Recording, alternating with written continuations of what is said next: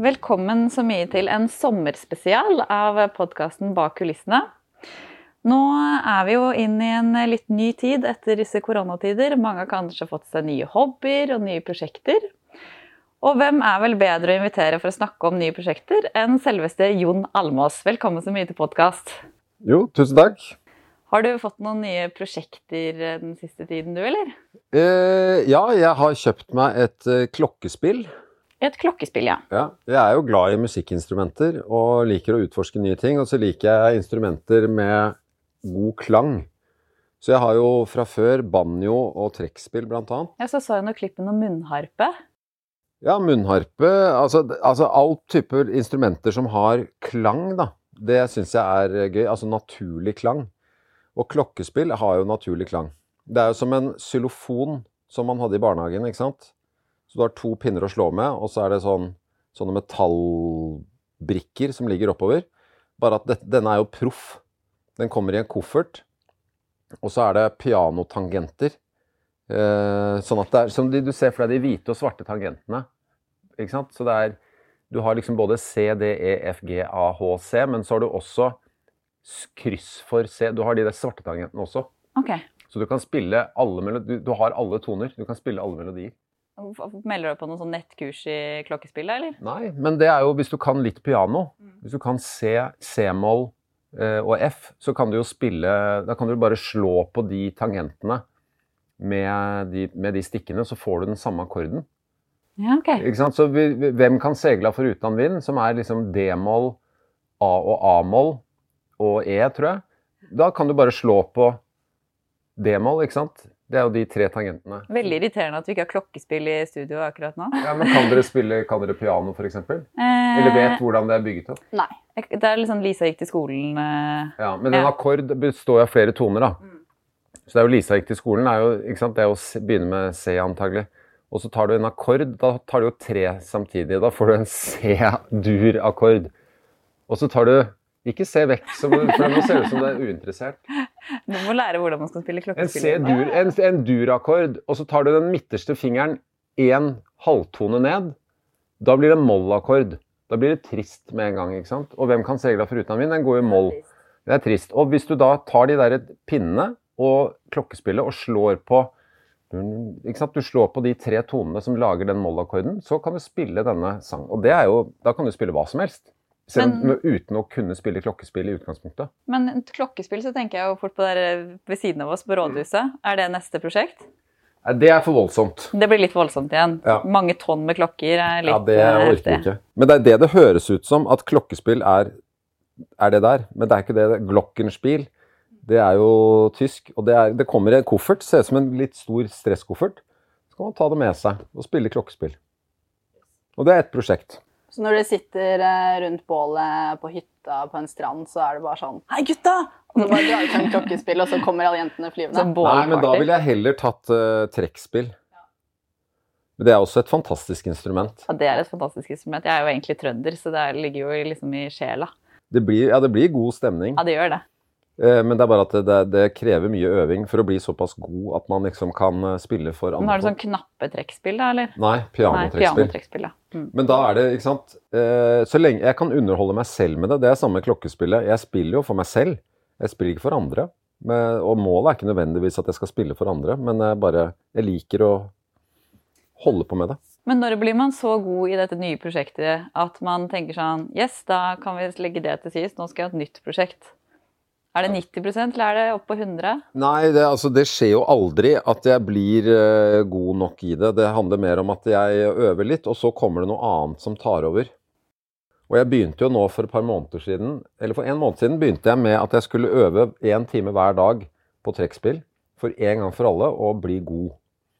Og så gjør jeg det i seks dager, og så plutselig så skjer et eller annet. da, Du har møter hele dagen, må lage middag, barna maser, og så får man ikke gjort det man skal.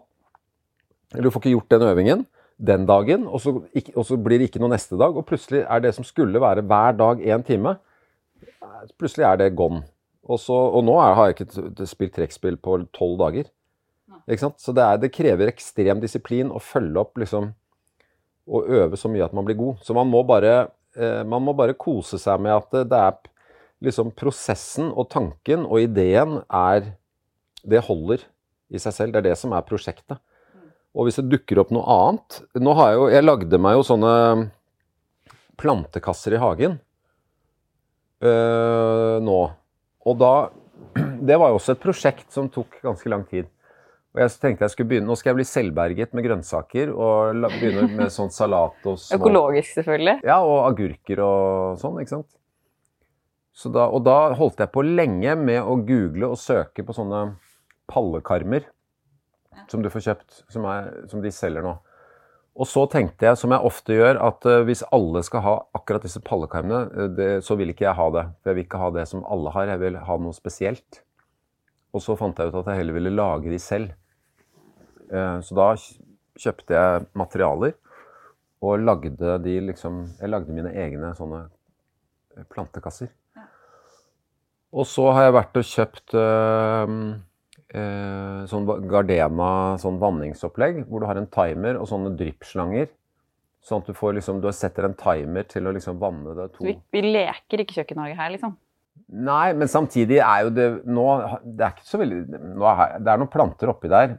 Salat. Altså Det står en sånn liten salatsak, men det tar jo ni uker før det er en så stor salat at du kan kutte den. Så det er jo veldig mye arbeid for veldig lite mat. Nå skal jeg bare vise dere det er, Nå er jo dette en podkast, men der ser, ser du de plantekassene. Ja, de var veldig fine. Ikke sant? Det er, Men skal jeg, være, skal jeg være helt ærlig, så ligner det litt på noe du kunne bare kjøpt i butikken. nei, nei, nei, nei, nei. Nei, da har du ikke sett detaljene. En vanlig snekker ville jo hatt øh, den derre stolpen på innsiden, Ja. og så bare tatt plankene inntil hverandre. Ja. Sånn at de hadde møttes liksom i enden sånn. Men jeg har jo dratt de tilbake, sånn at stolpen er på utsiden. Ok, Ser du det? Så den er helt unik. Ja, det, altså du ser det. Du, Ja, ja, ja. hjørnes, Hjørnestolpen. Fremragende hjørner, eh, Jon. Ja.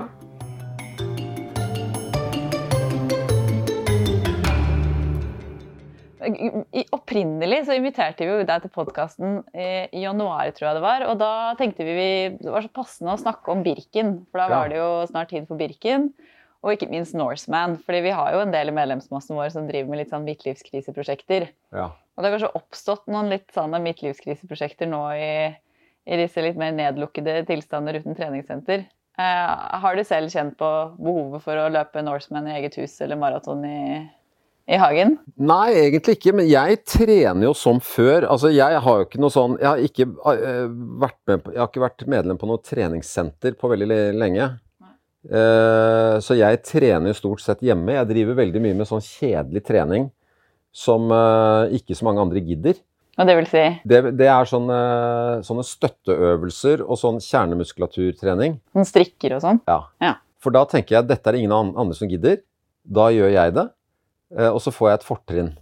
Ikke sant? For at du, hvis du skal, når enten du skal løpe eller gå på ski, så er det viktig med god teknikk. Og det er vanskelig å ha god teknikk hvis ikke du har god kjernemuskulatur, god balanse og sånne ting. Så det å stå liksom på ett ben på en balansepute mens du har en strikk rundt det andre benet og dytter det ut og inn, det er sånn Folk flest tenker 'det der gidder jeg ikke gjøre'. Og da når jeg gjør de øvelsene her, så tenker jeg sånn Dette.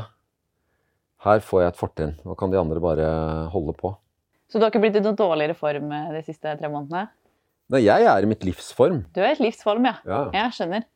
Så, Så jeg bare gleder meg til å få realisert det. Jeg skulle jo vært med i uh, Birken, det ble jo ikke noe av. Og akkurat nå har jeg ikke noe sånn uh, jeg, har ikke noe, jeg har ikke noe prosjekt. Jeg skulle være med på noe sånn Oslo Triatlon. Det er vel også kansellert, tror jeg. I, det skulle være i august. Og så skulle jeg løpe Berlin Maraton, og det er kansellert i september. Så nå er det Nå bare det, Nå driver jeg med sånn Eh, ja, vedlikeholdsmosjon. da. Jeg går jo en del med sekk. Det er jo en sånn annen hemmelighet som jeg har. Som jeg ikke har tenkt å fortelle noen andre enn dere. det er ikke så mange som hører på, så det, det blir jo da Det. Nei, hva er det? Liksom 16-17 stykker? Vi, Eh, Vi, vi bruker å runde 1000, så, Oi, ja, så de bra. 1000 får jo da nå Nå må de bare skrive ned og notere. ja, men Mm. altså Jeg går med sekk som jeg har ca. 20 kilo i. Ja. Og så går jeg opp til Vettakollen, da, fra der jeg bor. Og da går man liksom Du går i oppoverbakke, ikke sant? Du får brukt eh, lår og rumpe, men det, og det er mye morsommere enn å stå og ta knebøy og sånn. Og så er det veldig sånn eh, arbeidsøkonomisk i forhold til både ski og løping. Du får styrket musklene på, på en naturlig måte. Når du går oppover i sånn motbakketerreng hvor det er litt steiner og litt sånn Det er bratt og steinete og litt sånn Og så må du gå i sikksakk rundt alle menneskene i tillegg. ja, og litt sånn ulendt, ulendt terreng. Og sånn ca. 20 kg, det kan man jo variere om man vil ha liksom 10 eller 30 kg, men sånn at det er litt tungt å ta et høyt skritt med ett ben, samtidig som du liksom konser på å gå riktig, da. Og da, eh, da mener jeg altså dette er sånn Dette gidder ikke folk å gjøre. Da, det, da har man et fortrinn. Hver gang du gjør noe som de andre ikke gidder. Så neste gang du da går ut, ut på en løpetur, så er du styrket i liksom de riktige musklene. da. Ja, for jeg bruker å tenke det når jeg er på sånn morgenspinning og sånn, sånn halv syv. Og når du da er ferdig halv åtte, så tenker du sånn Nå er jeg ahead of everyone. Ja. Nå har alle andre sovet til nå. Nå er jeg liksom ja, Nå tar jo de meg igjen i løpet av dagen, men da har jeg i hvert fall vært et, eh, et hestehode foran hele Ja, ja. dagen. Det er akkurat den der gode følelsen der. Ja. Men, men føler du at du har vært i noen sånn midtlivskrise noen gang i livet ditt, eller har du alltid vært i god form og drevet med sånn typisk eh, 40-års mann-aktiviteter? Ja eh, Altså, jeg har jo drevet med de derre eh, sånn ski og litt sånn uh, utholdenhetsidrett. Det begynte jeg med Jeg har gått Birken liksom i 20 år, da. Hva er det som er så gøy med det? eh, nei, det er jo individuelt. Jeg merker jo at jeg syns jo det er gøy å, eh, å ta meg ut fysisk. Jeg syns jo det er gøy å slite. Og jeg mener at de fleste Hvis man prøver å gå Birken, så vil det oppleves, hvis man ikke er godt nok trent, sånn som ikke jeg var, så vil det oppleves som ekstremt slitsomt. ikke sant? Det er veldig langt, det er veldig mye oppover, nedover, oppover, nedover. Det er som en dritlang skitur, sånn som man hadde når man var barn, ikke sant? hvor foreldrene sier at eh, er det lenge igjen? Nei da, det er ikke så lenge igjen. Og så er det dritlenge igjen. Ja, det er dritlenge. Og du kan til og med se det fjellet du skal over, ikke sant. Når du kommer i mål der, og du er liksom Du er sliten, du har brukt tatt alle musklene, du er liksom helt sliten i hele kroppen, og så ligger du på sofaen etterpå og tenker sånn eh, dette, Da tenker man enten 'dette skal jeg aldri gjøre igjen', eller så tenker man Fy fader, dette var deilig. Dette fikk jeg lyst til å gjøre igjen, og neste gang skal jeg gjøre det bedre.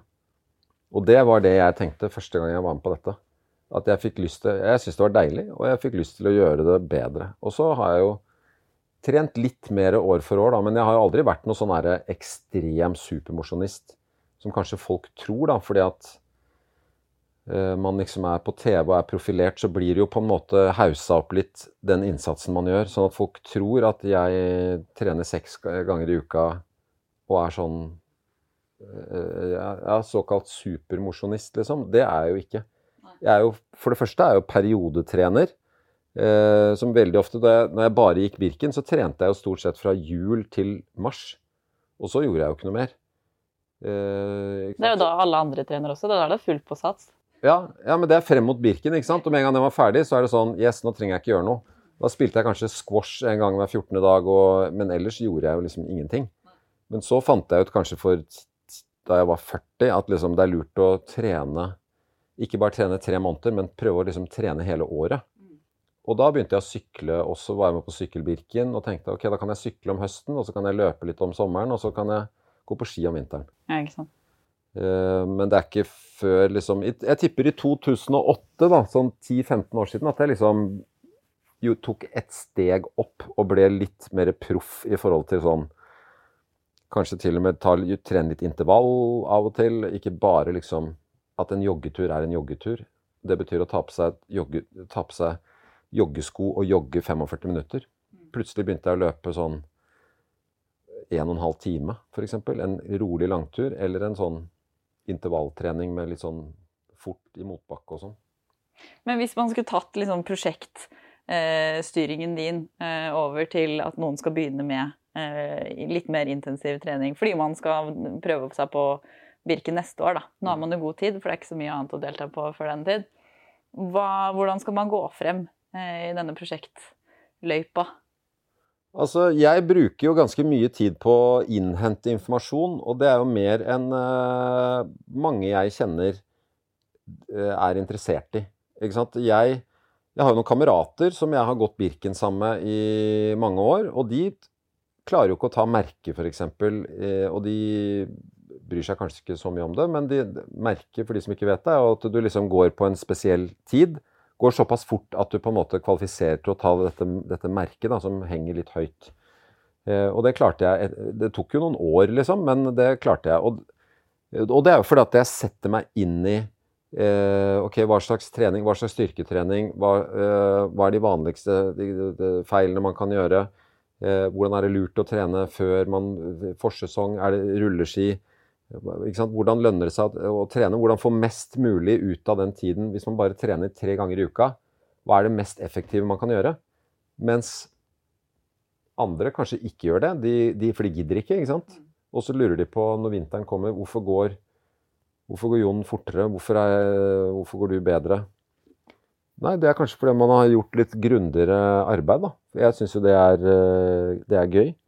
Men, så, men, rådet mitt nå, det hovedrådet eh, mitt eh, til noen som skal starte med noe sånt, vil jo være å ikke, ikke gape over for mye. Eh, ikke si 'nå skal jeg begynne å trene, og da skal jeg trene seks dager i uka'. Og jeg skal både, trene styrke og kondisjon og alt mulig. Man må begynne rolig. Og da mener jeg at istedenfor å si at nå skal jeg trene eh, seks dager i uken, si nå skal jeg trene tre dager i uken. Og det kan være vanskelig nok. For tre dager, nei, ja, tre dager i uken, det betyr jo annenhver dag. Og hvis man tenker på det, så er det det å trene annenhver dag er ganske ofte. For hvis du trener én dag, og så kommer neste dag, da skal du ikke trene. Men så skal du trene dagen etter det igjen. Og hvis du da plutselig så er det sånn Du lager middag, så tar du et glass vin. Da kan du ikke trene etter middag, for da har du drukket vin. Og så er det noen som inviterer deg på grilling, og så plutselig så ryker den. Og så sier du ja, men ok, da trener jeg dagen etter, kan jeg heller ta i litt ekstra. Og så får du ikke trent da heller. Og plutselig har det gått tre-fire dager uten at du får trent. Skjønner du? Og dette er den vanlige greia, at du, man utsetter og venter, og så blir, så blir det ikke noe av. Så, og plutselig blir det da bare én gang i uka. Så tre dager i uka, det er ganske mye. Og det er vanskelig å få til. Og for vanlige folk um, Så det holder i massevis uh, som ambisjon, mener jeg, da. Jeg har jo vært en, en periode hvor jeg, uh, da jeg var med på Norseman, så måtte jeg jo trene mye. Særlig liksom de siste månedene. Og da var det sånn For å få trent mye, så må du Hvis du skal få trent hver dag, så må du tenke på trening hele tiden. Og det var sånn hvis jeg skulle på en jobbtur til Bergen, så var det Ville jeg normalt sett tenkt ja, nå kan jeg ikke I dag får jeg ikke trent, for jeg skal til Bergen. Men i stedet var det sånn OK, hvilket hotell bor jeg på? Er det noen svømmehall i nærheten? Eh, ja, det er en svømmehall der. Har jeg tid? Ja, for jeg lander klokka tre, og jeg har et møte klokka seks. Der er det tre timer. Da kan jeg dra i svømmehallen og svømme. Og så begynte jeg å tenke sånn. Så må hele, da må du hele tiden jakte på trening. Uh, og da, da, får man plutselig trent liksom fem-seks ganger i uka. Men ellers, for vanlige folk, så er det vanskelig. Hvis de som klarer det, det er folk som er sånn ekstremt planmessige. Men da må du være veldig flink til å legge deg. Og jeg er jo ikke det. ikke sant? Sånn som i går ble jeg sittende oppe og, og drakk vin. ikke sant? Og, det, og, Da kan du ikke stå opp klokka seks og trene om morgenen. Og da utsetter du det til ja, Nei, men da trener jeg heller Da trener jeg heller eh, etter middag. Men så plutselig er det da middag, ikke sant? og så er det et glass vin, og da får du ikke trent. Ikke sant? Det, er, det er bare Du må være ekstremt disiplinert for å få det til. Og noen klarer det, og noen klarer det ikke. Hva koster det da, pengemessig? Si du skal begynne med landeveis... Vet, driver du med sånn landeveissykling også, eller? Ja. ja. Hva, hva, er investeringskostnadene for å komme seg opp på et greit nivå der? Nei, det er jo veldig, sånn, veldig overdrevent, da. Hvis jeg, skulle, hvis jeg ikke hadde hatt så veldig mye penger, og skulle For det, det har du. Nei, men jeg, jeg, man, man, bygger seg jo opp. Altså, jeg, man, da jeg kjøpte min, min, første sykkel, kostet vel kanskje 10 000-15 000, da. Men du får jo sykler som koster 60 000. Det er jo på pris med en billig bil til slutt, liksom. Ja, men det er jo sånn er, Man begynner jo ikke med det. Jeg er jo, jeg er jo skapt sånn Eller jeg tenker sånn at du skal jo gjøre deg fortjent til det. Eh, så først begynner du å liksom en Hvis du går inn på Finn og søker på landeveissykkel, så er det ikke noe problem å finne en til en karbonsykkel til mellom 5000 og 10 000, som fungerer helt fint.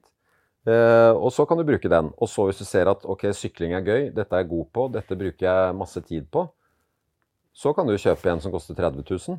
Eh, men derfra til at det koster liksom 60 000 og 70 000, så blir det Da skal du for, første, for det første være ekstremt ivrig, og så skal du ha råd til det. For det er jo ikke nødvendig. Nei. Fordi da er det snakk om noen få gram i vektforskjell og Ja, og, og mer en følelse, på en måte. På samme, akkurat samme som en dyr klokke eller en veske. Du kan jo bære tingene dine i en, en helt normal veske, altså i et, bare et stykke tøy. Så hvorfor skal du kjøpe en, en veske til liksom 25 000? Det er jo bare fordi at uh, du har lyst på den. Er, er syklister For meg er det litt sånn uh, fjonge Det er barberte legger, og så så jeg en sånn video er det fra noen sånn Bygdøy sykkelklubb, eller nei, Holmenkollen sykkelklubb. Ja. Hvor brillene skulle være utenpå, sokkene skulle være en tredjedel oppå leggen. Ja. Og hvis du hadde feil farge på sokker kontra trøye, så var det bare å drite i, og da kunne du bare dra hjem igjen. Ja, ja, det er, jo, det er jo en slags humor eh, på en måte blant en del av eh, sykkelmiljøet. At det skal være på visse Det skal være på visse vis.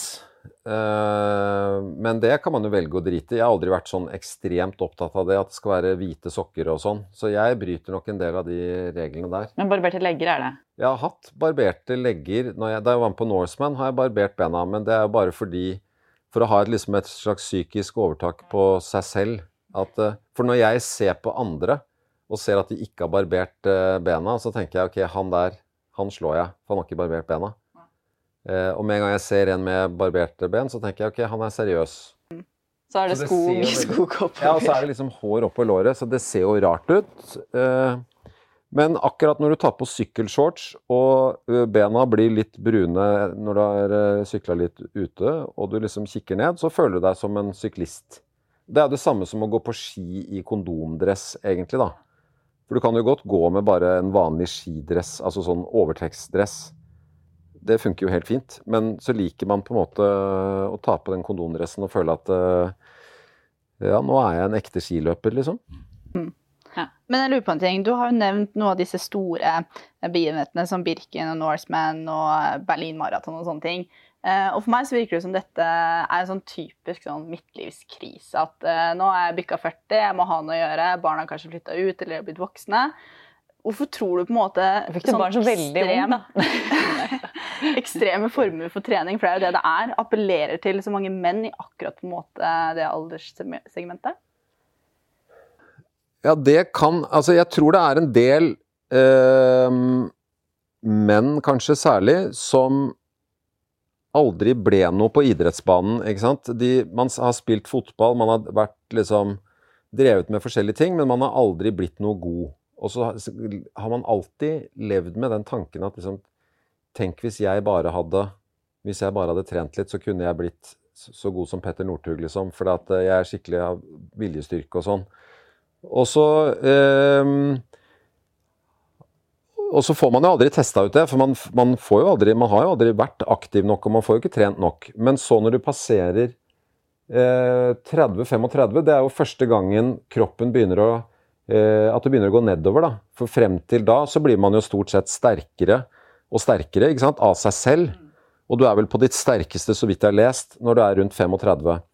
Men så begynner du å få litt sånn vondt i ryggen, og hvis du har sittet og sett på TV med bena i kors, og skal reise deg fra sofaen, så er knærne litt sånn stive og sånn. Og det skjer jo da rundt 35, og der du våkner om morgenen og skal stå opp, så har du vondt i ryggen, eller plutselig er det noe med ankelen, ikke sant. Og det skjer jo da rundt 40, og da begynner du å merke at nå er faktisk eh, selv om er, du har lenge igjen, og alt fungerer bra, men det begynner å gå nedover. Og med en gang det liksom begynner å gå litt nedover, så er det et eller annet som klikker inn, som sier at eh, hvis jeg skal bli Eh, bli Hvis jeg skal teste hvor god jeg kan bli, hvis jeg skal bli langrennsløper, så må jeg gjøre det nå. Før, eh, for, før forfallet er for stort? Ja, før, det, før det er for sent. Mm. For nå, ikke sant? Det, det, tror jeg er det som skjer. Og jeg, altså Man kan jo kalle det krise uh, for moro skyld, uh, men jeg er jo ikke, jeg syns jo ikke det er noen krise. Altså, Når man ser masse menn 50 som sykler rundt, eller uh, liksom damer som det er jo ikke bare menn, det gjelder jo damer også, dette her. Mm. Som jogger rundt i Frognerparken og og både sykler og går på ski. Eh, eller gå på Damer driver kanskje mest med sånne fellestreninger og begynner på yoga og, og sånn. pilates og sånne ting. Ja. Men at det skal kalles krise, at man har lyst til å ta vare på kroppen og, og liksom komme i god form, det syns jeg er litt rart. Så mer en wake-up call idet knærne begynner å knirke, så får man en sånn nå må vi jobbe litt for dette, ja. dette ytre. Ja, og det er jo bare bra.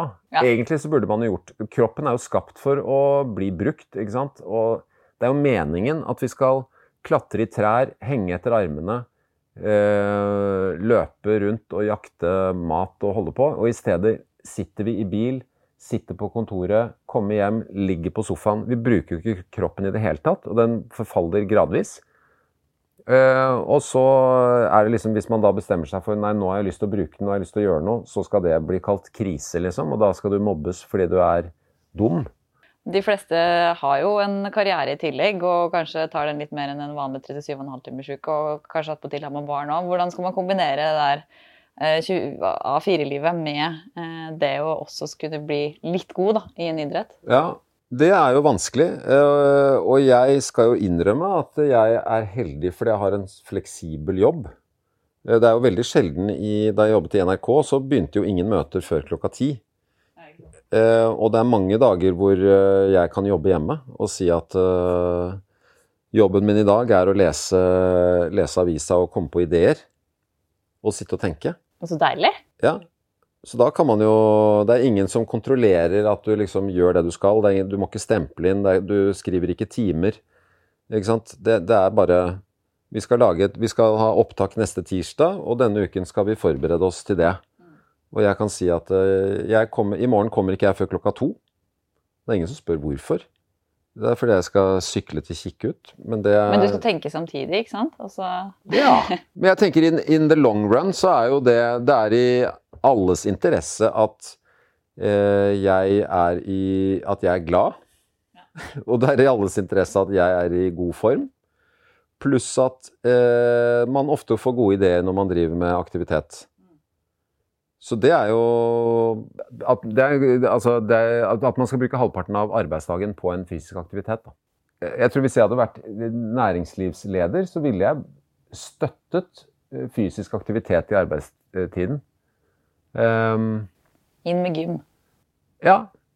At man kan ta liksom At man får fri til å drive med fysisk aktivitet, det ville jeg jo det ville jeg støtte. De, det er sikkert noen da som nå åpner treningssentrene 15.6. Og mange, inkludert meg selv, vet jo ikke hvordan man skal trene uten treningssenter fordi vi, vi er så lite eh, kreative. kreative. Eh, hvordan eh, Og så har kroppen forfalt, og man har falt på dette surdeigsbrødfarsvotten og bakt masse i fire måneder. Eh, hvordan skal man komme i SK 2020, som man kaller det, altså sommerkroppen 2020? Hva er det mest effektive? Du har sikkert lest om mest effektive treningsformen. Ja, jeg har eh, Altså, det er jo ekstremt vanskelig fordi at uh, det, det, er så, det, er så, mange måter å trene på, og det er så mange, mye forskjellige jeg, Altså, jeg har jo jaktet på sommerkroppen hele livet og tenkt at nå skal jeg bli en muskuløs faen. Men jeg har jo aldri trent liksom, styrketrening nok til å få store muskler. Fordi at jeg har jo heller prioritert å bli utholdende. Ikke sant? Sånn at uh, Det er problemet med en utholdenhetsutøver, er at man ser ikke spesielt godt trent ut. Du kan ikke se på en, en mann eller dame som går rundt på et, et kontorlandskap at uh, hun har faktisk løpt maraton på, på 2,48. Du kan ikke se det. Det ser bare ut som en Det er selvfølgelig slank, men bortsett fra det kan du ikke se det. Men du kan se hvis noen har, eh, liksom, er norgesmester i styrkeløft. Da, det, da, da har de store muskler og ser svære ut. Så Sommerkropp er jo ofte store brystmuskler. Da må du jo ta pushups og benkpress-greier. Og så må du ha biceps, som du får ved curl og, og hangups. Og så er det magemuskler. Og eneste måten å få magemuskler på, det er jo å slanke seg. Man får jo ikke magemuskler ved å ta situps.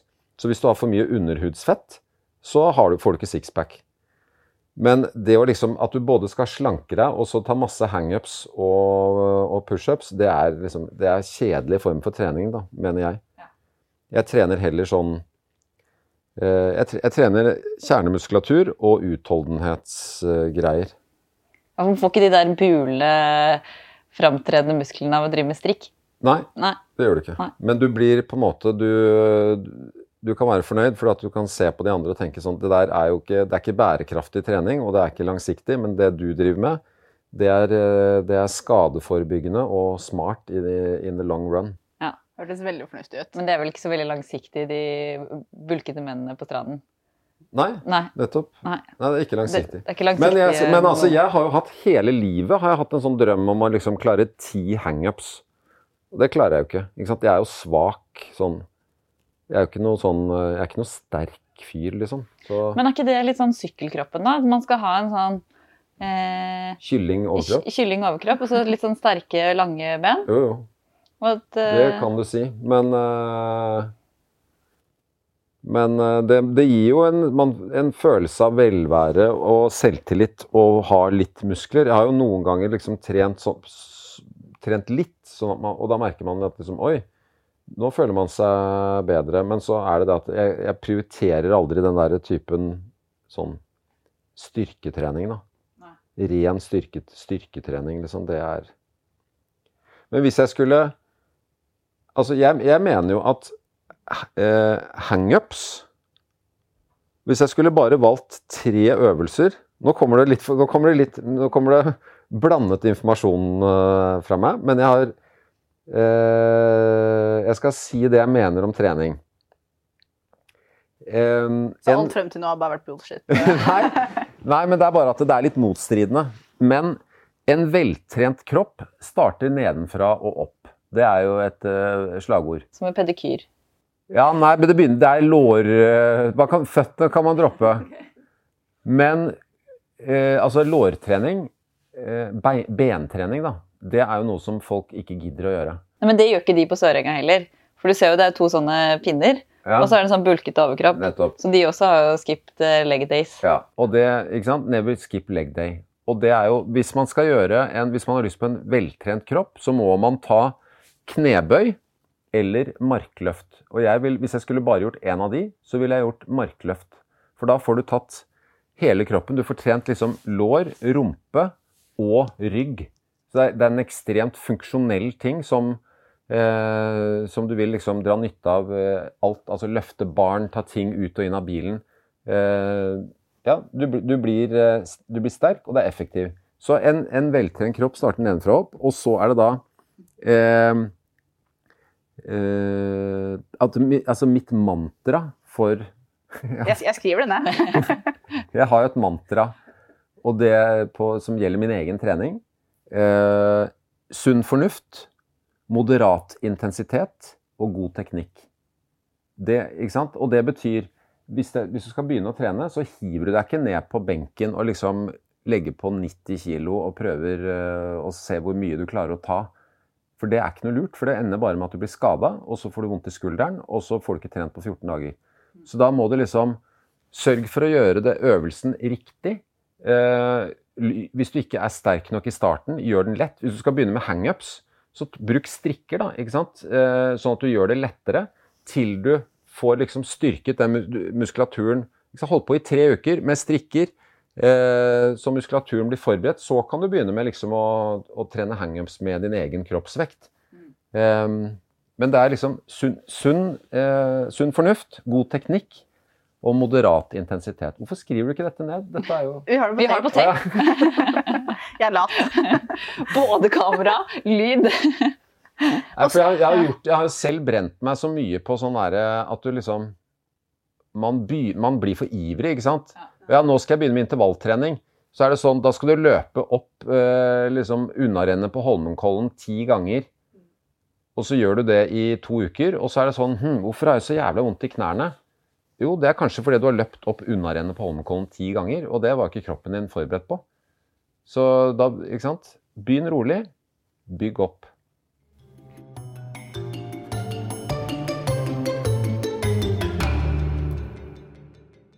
Den nye spalten eh, som heter 'Jeg spør for en eh, kollega'. Um, og vi har vært ute i eh, kontorlandskapet og sagt at nå får vi kjentfolk uh, på besøk. Det er deg, Jon. Og spurt hva, hva vil dere spurt Jon Almaas om? Og jeg har fått ganske mange um, morsomme spørsmål. Um, og jeg kan jo starte med det første, og det handler jo selvfølgelig om kollega- og kontorlandskapet. Um, du sitter der. Du vet at du har rett, du vet at kollegaen din har feil. Hvordan går du frem for å for å rette på denne kollegaen uten å virke som en veldig sånn besserwisser selv?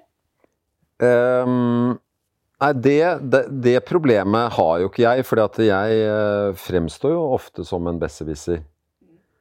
Um, så jeg Altså, hvorfor skal man være så redd for å uh, virke som en besserwisser? Nei, jeg, der har jeg trøbbel med å rett og slett komme med et, uh, et godt råd.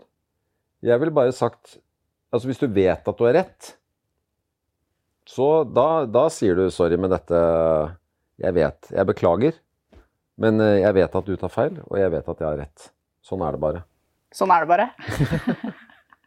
ok, Så drit i å ikke være en besserwisser, bare være en besserwisser. Men du bør jo ha rett, da. Jo, ja, selvfølgelig. Forutsetningen er jo at man har Ja, men det lå jo i, det, det lå i, spørs, i spørsmålet her. Ja, ja.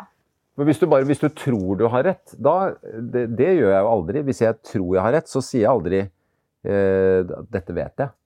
Da sier, du, da sier, du, 'dette tror jeg'. Ja. Det er mulig jeg tar feil, men jeg er ganske sikker på. Det er noe helt annet enn å insistere på ting som er feil. Men hva med sånne språklige feil? For det dukker det opp altså Det har vært en sånn i forhold til eh, ja. feil og fokus på i forhold til, og ikke minst eh, spørrespørsmål. Bør man korrigere voksne mennesker i det, eller må man bare la det gå og tenke at ja ja, jeg vet i hvert fall at dette er feil? Ja, jeg koser meg jo ofte med å bare vite at det er feil. Og jeg syns selv det er veldig irriterende å bli korrigert. Uh, for jeg sier, jeg sier Jeg har da og når-feil selv. Um, den er vanskelig? Ja, den er ekstremt vanskelig, liksom. Det er jo bare hver gang den, den, gang da, og hver gang når. Den, Men i, det, i kampens hete, så Du sier jo hele tiden 'når jeg var barn'. Ikke sant? Når vi var på hytta i sommer. Det, det, er, den, det er, den som er vrien. For å si 'da' da, det høres ikke riktig ut. Nei, jeg er helt enig. Ja. Den er kjempevanskelig. Så, så, men at, at, noen da skal liksom rette på deg, det, det, er jo Du får lyst til å slå ikke sant? med flathånda. er det lov? Nei, det er ikke, Nei, det er ikke lov. Det er ikke lov. Og derfor gjør ikke jeg det heller. Jeg retter ikke på Knut Nærum har jeg jobbet med i mange år, og han er litt sånn eh, Han har vanskeligheter med å se en sånn passere. Så han har veldig lyst til å korrigere. korrigere. Jeg tenker at de får Altså da blir du ikke en likende fyr, da kanskje? Nei, det er, det er irriterende å bli retta på når du er voksen av en annen. Og så blir man veldig liten. Ja, ja, ja, man blir i hvert fall ja, man blir irritert, og det er, ja, det er nedlatende. Så det prøver jeg å Jeg retter ikke så mye på sånne språklige ting. Eh, hva var det neste spørsmålet vi hadde fått da, Elena? Er dette innsendte spørsmål? Dette er innsendte direkte spørsmål fra kontorlandskapet vårt. Ja. Eh, så vi har ikke gått ut i den store verden og hentet spørsmål. Det er jo det på Faktisk Info. Det slipper vi å gjøre. Ja, ja. Um, blir du retta på selv? Altså når eh, Er det noen som tør å rette på deg? Ja. ja. Og folk syns det er veldig gøy å rette på meg. Det er gøy å rette på en besserwisser når de endelig tar feil. Ja. Um, så folk syns det er veldig gøy når jeg blir liksom uh, stilt til veggs. Og jeg liker jo veldig dårlig å ta feil, men samtidig har jeg uh, Det er på en måte Jeg aksepterer jo når jeg har dritt meg ut. Jeg prøver ikke å forsvare og si at jeg har rett allikevel, hvis Nei. jeg har tatt feil. Nei, For det er irriterende. Ja, det gjør jeg jo ikke. Altså, det er sånn Beklager. Uh, jeg trodde det var sånn. Uh, det var det ikke. Men nå må vi videre.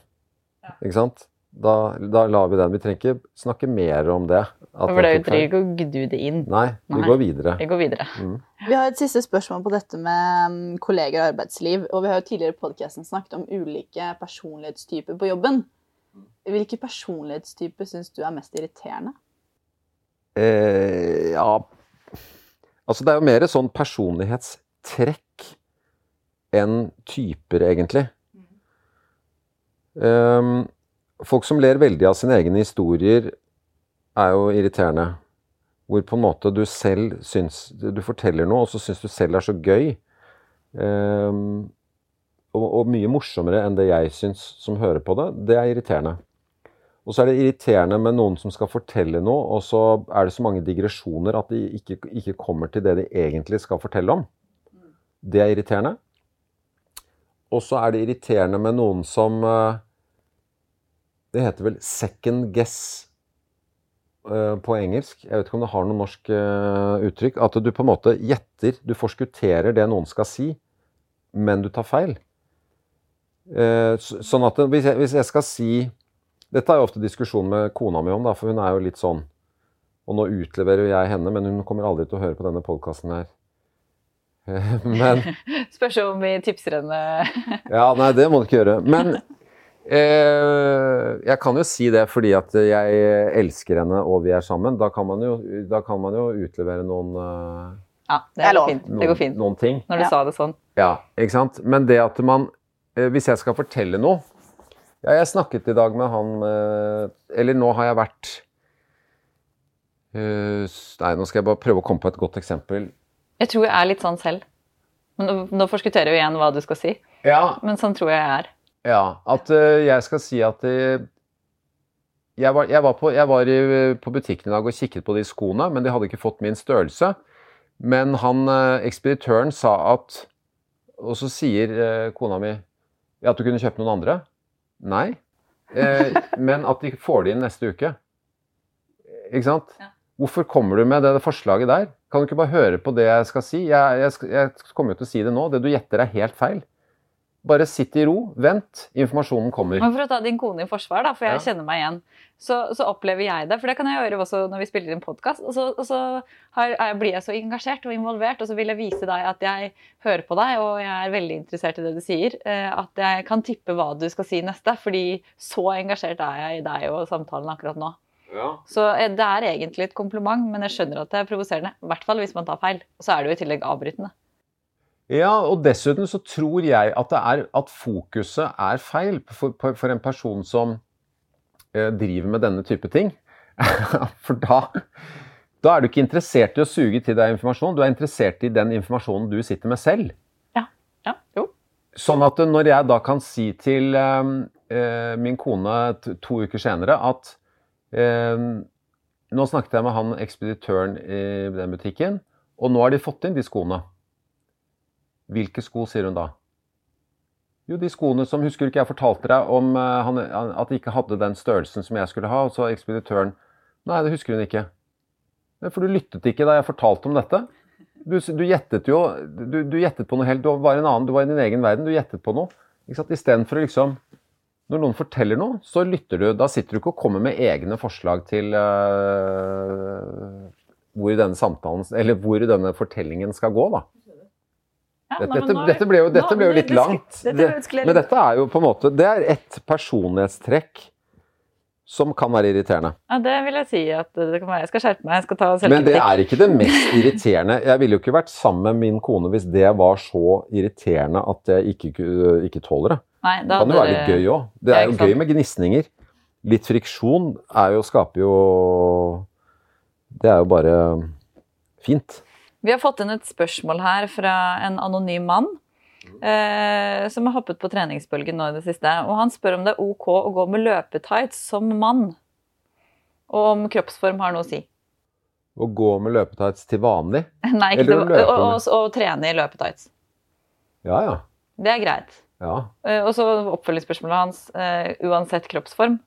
Ja, det vil jeg si. Men det er jo det å gå etterpå på Rema og handle med løpetights. Da begynner du å bevege deg inn i grenseland.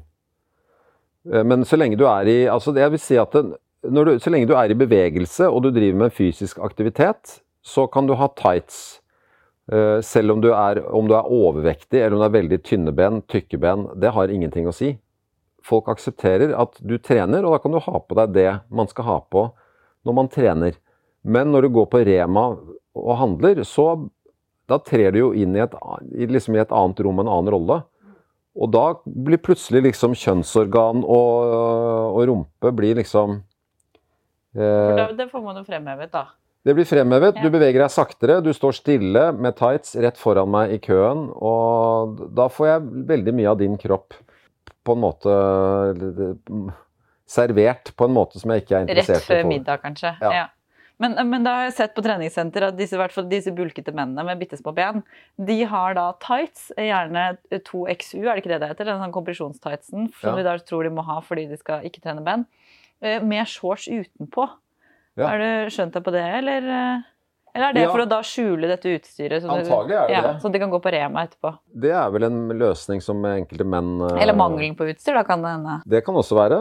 Eh, antagelig vil vel de som er velutstyrt, vil vel ikke ha denne shortsen, men de som er eh, moderat til dårlig utstyrt, heller vil ha shortsen. Ja. Og så kan vi overlate det til overlate fantasien. Til fantasien. Ja. Eller hvis man er veldig bootylicious som mann, kanskje. Nei, jeg, jeg bare jeg har registrert det, liksom, og lurt på Ja, men det, ja. Men det føler jeg er en, det er en stil som er uh, gangbar. Ja. Tights med shorts. Og da er det lov til å gå på Rema også, så da kan man notere seg det. Ja. Uh, og da fikk vi et oppfølgingsspørsmål, for da, uh, ut fra ditt svar så kan man da konkludere med at du er en mamil. Har du hørt, hørt, om det? Nei. Det er middle-aged men in Lycra. Ja. ja. Da... Ja, det er jeg nok. Eh, altså, jeg løper i uh, tights. Og jeg, jo, jeg, ser jo ned på folk som løper i joggebukse, f.eks. Da tenker jeg at Men de, de har du bare sett etter 12. mars?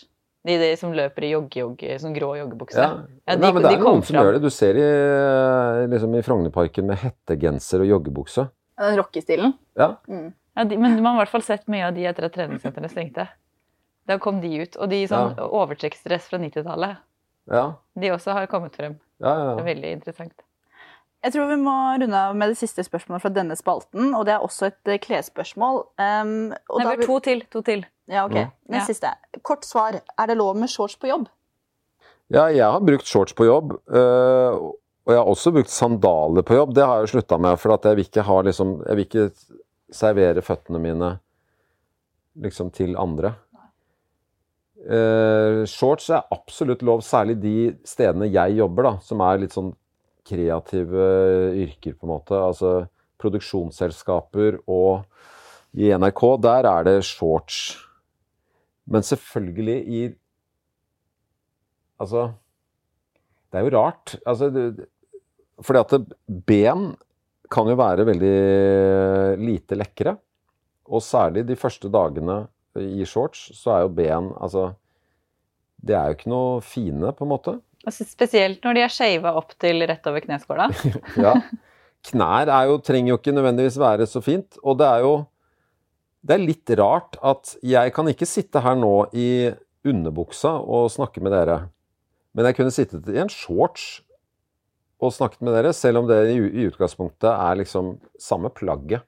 Det, det dekker Altså, det ville jo vært en liten shorts. Det blir litt sånn badeshorts og, og bokser, da. Det er, ja. to, det er undertøy og, og, hverdagsplagg, liksom. Ja, ja, men hvis jeg hadde vært sagt at uh, Hvis jeg hadde syklet hit, da, og jeg skulle etterpå Så kunne jeg jo sittet her I teorien kunne jeg sittet her i shorts. Ikke treningstights. Jo, jeg kunne jo gjort det òg. Men det er jo det, det, er det å det, vise den derre huden som blir sånn Det hører jo på en måte Det hører jo privatlivet til, og så plutselig skal du, eh, plutselig skal du ha det på jobben. Um, og det er Jeg skjønner at folk syns at det kan være ubehagelig.